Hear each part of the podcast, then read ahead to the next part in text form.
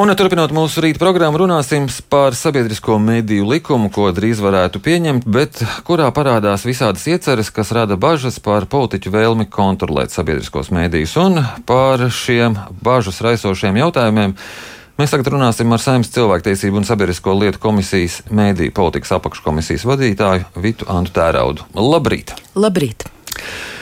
Tātad. No nākamā gada sabiedriskie mēdīji iziet no reklāmas tirgus un paliek pilnībā atkarīgi tikai no tā, kādu finansējumu piešķirs no valsts budžeta.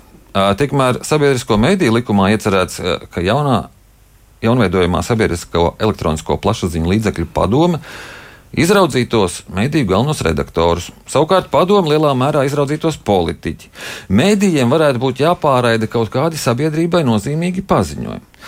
Tas visi, visi šie procesi, viss, kas mums tādā izskan, kādus tas dod signālus sabiedrībai, ka sabiedriskie mēdīji būs ar lielāku brīvību, vai sabiedriskie mēdīji kļūs labāki zem rūpīgas politiķu uzraudzības?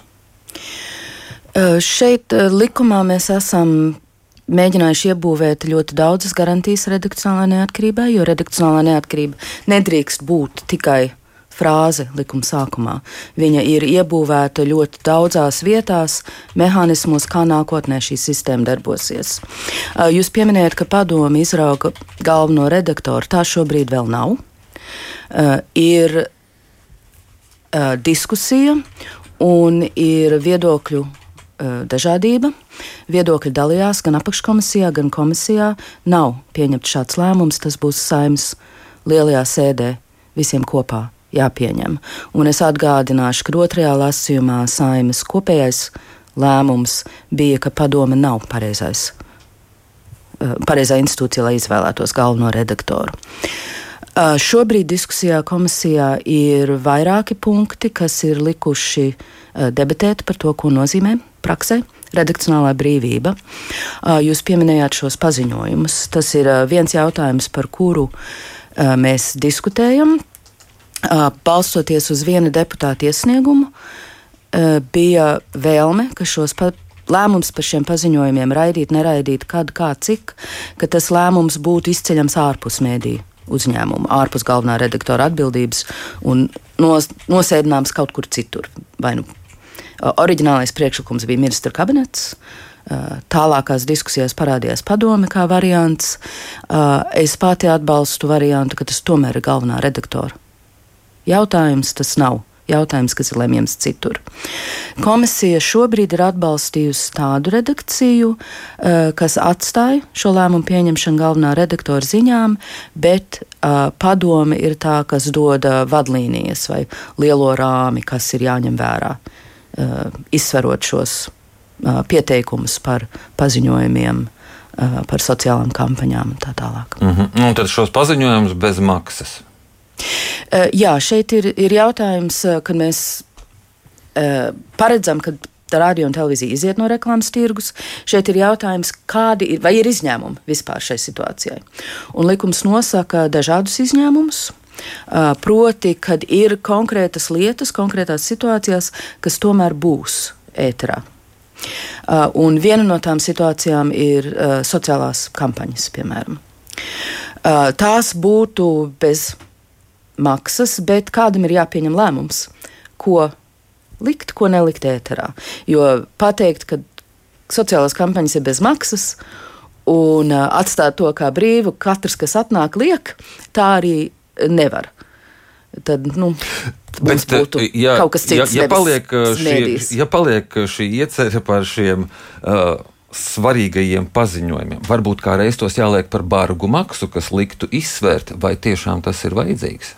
Man liekas, ka tāpat kā mēs negribam, lai uh, politiķis par kuru visvairāk kāds ir gatavs samaksāt, iekļūst amatā. Mēs tāpat arī negribam, lai ēters pār, pārveidojās par vietu, kur jebkurš ar dziļākām kabatām var savus vēstījumus. Tad jautājums, vai bieži ir bijušas situācijas, kad sabiedriskie mēdīji nav snieguši sabiedrībai kādu svarīgu informāciju? Ir, es saprotu, cilvēki, kas ir rīkojuši sociālās kampaņas un nav guvuši atbalstu bezmaksas raidlaika formā. Lai, nu, līdz šim ir bijusi, protams, opcija mēdījiem vai nu piedalīties sociālā kampaņā, ieguldot bezmaksas raidlaiku, vai arī to nolikt kategorijā reklāma, par kuru ir jāmaksā. Un ir, protams, bijuši nu, neapmierināti sociālo kampaņu uh, vadītāji, kuriem gribējās bezmaksas, bet prasīja tomēr kā reklāmu maksāt. Tā kā nu, neapmierinātība ir bijusi, uh, bet uh, nākotnē šis ir tiešām jautājums, kas ir lemjams mēdījiem pašam, mm. kam atvēlēt ēteru, kam nē. Nu, sociālās kampaņas jau varētu arī ātrie kredīti rīkot. Sociālās kampaņas viss var rīkot, bet mm. tieši tāpēc ir vajadzīgs uh, atbildīgais, kas pieņem lēmumus, kas, manuprāt, ir galvenais redaktors. Jūs sacījāt, ka ir, jūs esat centušies, mēģinājuši iebūvēt mehānismus šai redakcionālajai neatkarībai, bet tad kāpēc ir, nu, teiksim tā, plēšanās par šo galvenā redaktora amatu, ka to būtu padomē jā, jāapstiprina? Šeit ir deputātiem atšķirīgas vīzijas vai priekšstati par to, kā, kur ir jārezidē atbildībai par galveno redaktoru, par sabiedrisko mēdīju saturu. Es aizstāvu domu, ka galvenais redaktors ir tas, kas atbild par saturu, un galvenais redaktors uh, strādā mēdīju uzņēmumā komandā pārējiem. Un tāpēc tieši šī komandas veidošana ir jāuztic mēdīju uzņēmumam, valdē. Uh, ir citi deputāti, kas uzskata, ka galvenais redaktors, uh, kā cilvēks, kas atbild par saturu, uh, ir, uh, viņam ir jābūt atbildīgam uh, padomas priekšā, jo padoma ir tā, kurai sabiedrība ir uzticējusi šo, varētu teikt, modro aci pār mēdījiem. Es tam nepiekrītu, jo es redzu ļoti, ļoti lielus riskus. Gan uzticības risku, ka vismaz šobrīd ir sabiedrībā bažas par politizāciju, kas izriet no esošās padomas darbu. No šīm bažām es ceru, ka mēs tiksim vaļā, bet tas ir nākotnes jautājums. Šodien tās bažas vēl ir cilvēkos. Es redzu arī riskus pašam uzņēmumam, ja no malas ieliek redaktoru, kam paš, paši žurnālisti, paši satura radītāji neusticās. Tas padara darbu apgrūtinātu un padara ļoti grūti sasniedzams tos kvalitātes kritērijus, ko mēs gribētu sasniegt sabiedriskajos mēdījos. Sabiedrība uzticējusi padomēju uzraudzību. Bet šo padomu taču būtībā izraudzīsies politiķi. Padomas veidošana arī ir jaunrada šobrīd Latvijā. Mēs esam padomas izraudzīšanu uzticējuši trīs dažādām instancēm Latvijā. Vienu padomas locekli izvirzīs saima, vienu kopā. Tas nozīmē, ka nebūs vairs iespēja katram politiskam spēkam savējo ielikt, būs jāvienojās par vienu. Uh, valsts prezidents izvirzīs vienu, un ministra kabineta un NVO sadarbības padome arī izvirzīs vienu, lai būtu no organizētās pilsoniskās sabiedrības arī iespēja savu uzticību dot uh, padomus locekļiem un savu uzticību dot padomus darbam. Jūsuprāt, šis mehānisms noņem uh, bažas par politisko ietekmējumību? Manuprāt, šis mehānisms ir uh, labāks par mehānismiem, kas ir bijuši līdz šim. Uh, bažas nekad nenoņemās šajās situācijās, jo, protams, uh, ir uh, neizbēgami, kad cilvēkiem būs favorīti, kandidāti, kurus viņas gribētu redzēt tenīs amatos, un mēģinās virzīt cilvēkus. Tas ir Jūs sacījāt, ka šajā eh, padomas izraudzīšanā, eh, padomas, jā, šajā mehānismu veidošanā jūs mm nodarbojāties ar jaunradi. Kāpēc? Eh, kā citās valstīs notiek? Ir ļoti, ļoti dažāda pieredze Eiropā.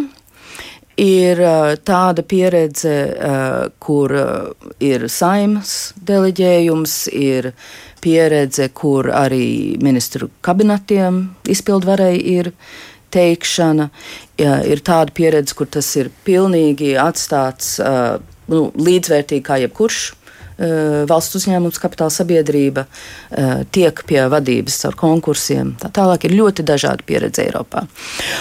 Mēs skatījāmies uz to pieredzi un ņēmām vērā, kas ir tā. Nu, tā pagātne, kas mums ir bijusi šeit ar mūsu padomi un mūsu izveidi, un mums likās, ka ļoti svarīgi aiziet no tā principa, ka politiskās partijas savā starpā sadala amatvietas. Un to mēs esam ar jauno mehānismu izdarījuši. Mums arī ir valsts prezidenta iesaisti jauninājums un NVO iesaisti jauninājums. Mēs meklējam ceļu, kā būvēt uzticību šai padomēji lai viņai nebūtu ar tādu neusticības handikapu no iepriekšējiem posmiem Latvijā. Mhm. Bet šāda padoma ir pilnīgi noteikti nepieciešama. Jebkuram uzņēmumam ir nepieciešama padoma. Šīs ir valsts kapitāla sabiedrības, turklāt diezgan lielas. Viņām ir nepieciešams gan padome, gan valde. Mm -hmm. uh, kad uh, plānojat tikt skaidrībā uh, ar uh, sabiedrisko mediju finansējumu. Jo nākamā gada mēs paliekam tikai no valsts budžeta atkarīgi, tad, tad pilnībā atkarīgi no politiķu teiksim, tā labvēlības. Uh. Finansējuma sistēma sabiedriskajiem mēdījiem patiešām ir vislielākais trūkums jaunajā likumprojektā, ka mēs neesam varējuši atrast konsensus par jaunu sistēmu. Tādēļ jaunajā likumprojektā diemžēl saglabājās vecā sistēma, kas ir tāda, kā, kādu jūs minējāt, valsts budžeta piešķīrums reizes gadā. Uh, šeit ir labās ziņas, kad šī brīža budžeta projektā ir līdzekļi iziešanai no reklāmas tirgus. Mēs, protams, redzēsim, kas notiek, kad saimā saņemam budžetu. Uh, bet, manuprāt, šis ir jautājums. Uh, par kuru nedrīkst apstāties domāt un pie kura nedrīkst apstāties strādāt. Tāpēc ir šobrīd vēl diskutējams priekšlikums pārējais noteikumos šai likuma projektā ielikt pienākumu jaunajai padomēji ne tikai gatavot koncepciju par abu mēdīju apvienošanos nākotnē, bet arī piedāvāt koncepciju saimai par finansēšanas sistēmas maiņu. Mums apkārt uh, Eiropā ir daudz modeļu, kā finansējās sabiedriskie mēdīji. Tie ir modeļi, kas nodrošina mēdīju finansējumu prognozējumību, adekvātumu, neatkarību. Uh, manuprāt, izvērtējot detaļās šos modeļus, mēs atradīsim tādu modeli, kas būtu piemērots tieši Latvijas sistēmai. Jā, bet eh, kamēr tas nav atrasts, tad visas runas par redakcionālo neatkarību, par padomus iecelšanas mehānismiem, tas jau tam jau ir kāda nozīme. Uh, kamēr ir viens šis galvenā, galvenā svira. Uh, tam ir, manuprāt, joprojām ļoti liela nozīme, bet es jums piekrītu, ka finansēšanas uh, mehānisms, paliekot tāds, tādam, kāds viņš ir šobrīd, uh, tas neļauj mums atrisināt pavisam mēdīju neatkarības uh, kvalitatīvu mēdīju nākotnes nodrošinājumu. Kuras ir tās partijas, kuras tiksim, tā, nevēlas atrisināt šo jautājumu? Uh, šobrīd partijas nav nonākušas pie kopīga redzējuma, diskusijas bija. Uh, Mums bija priekšlikumi gan nodokļu sasaistēji, mums bija priekšlikumi IKP procentu sasaistēji, bet partijas nevarēja panākt savstarpēju vienošanos. Kultūras ministrs uzturēja IKP procentus kā vienu iespējamo mehānismu nākotnē. Neviena koalīcijā ietilpstošā partija, tā skaitā ministra paša partija, nebija gatava iziet uz IKP procentiem, ņemot vērā problēmas Uh, kas mums ir bijušas ar līdzšinēji likumos ierakstītiem mm. procentiem. Tāpēc ir cits mehānisms jāmeklē. Uh, un, kā jau teicu, piemēru un paraugi ir Eiropā, kur skatīties. Nu, kad tad šo likumu jūs uh, domājat, ka varētu sājām apstiprināt? Es ceru, ka nonāks plenāra sēdē vēl šomēnes. Nākamnedēļ. Tur vēl var parādīties kādi jauni, interesanti priekšlikumi. Nu, Nākamnedēļ cilvēktiesību komisija turpina skatīt visus priekšlikumus, kas ir iesniegti starp otro un trešo lasījumu. Tur šobrīd priek, jau iesniegtie priekšlikumi ir visi redzami. Tur jauns nebūs, bet komisijai pašai ir iespējas uh, savus priekšlikumus vēl ielikt. Tad tīri teorētiski var būt. Nu, Teorētiski var vēl jā. kaut kas gadīties. Jā. Jā. Lielas paldies jums par šo sarunu. Atgādinu, ka mūsu studijā bija Saimnes cilvēktiesību un sabiedrisko lietu komisijas mēdīju politikas apakškomisijas vadītāja Vitāna Tērauda. Paldies!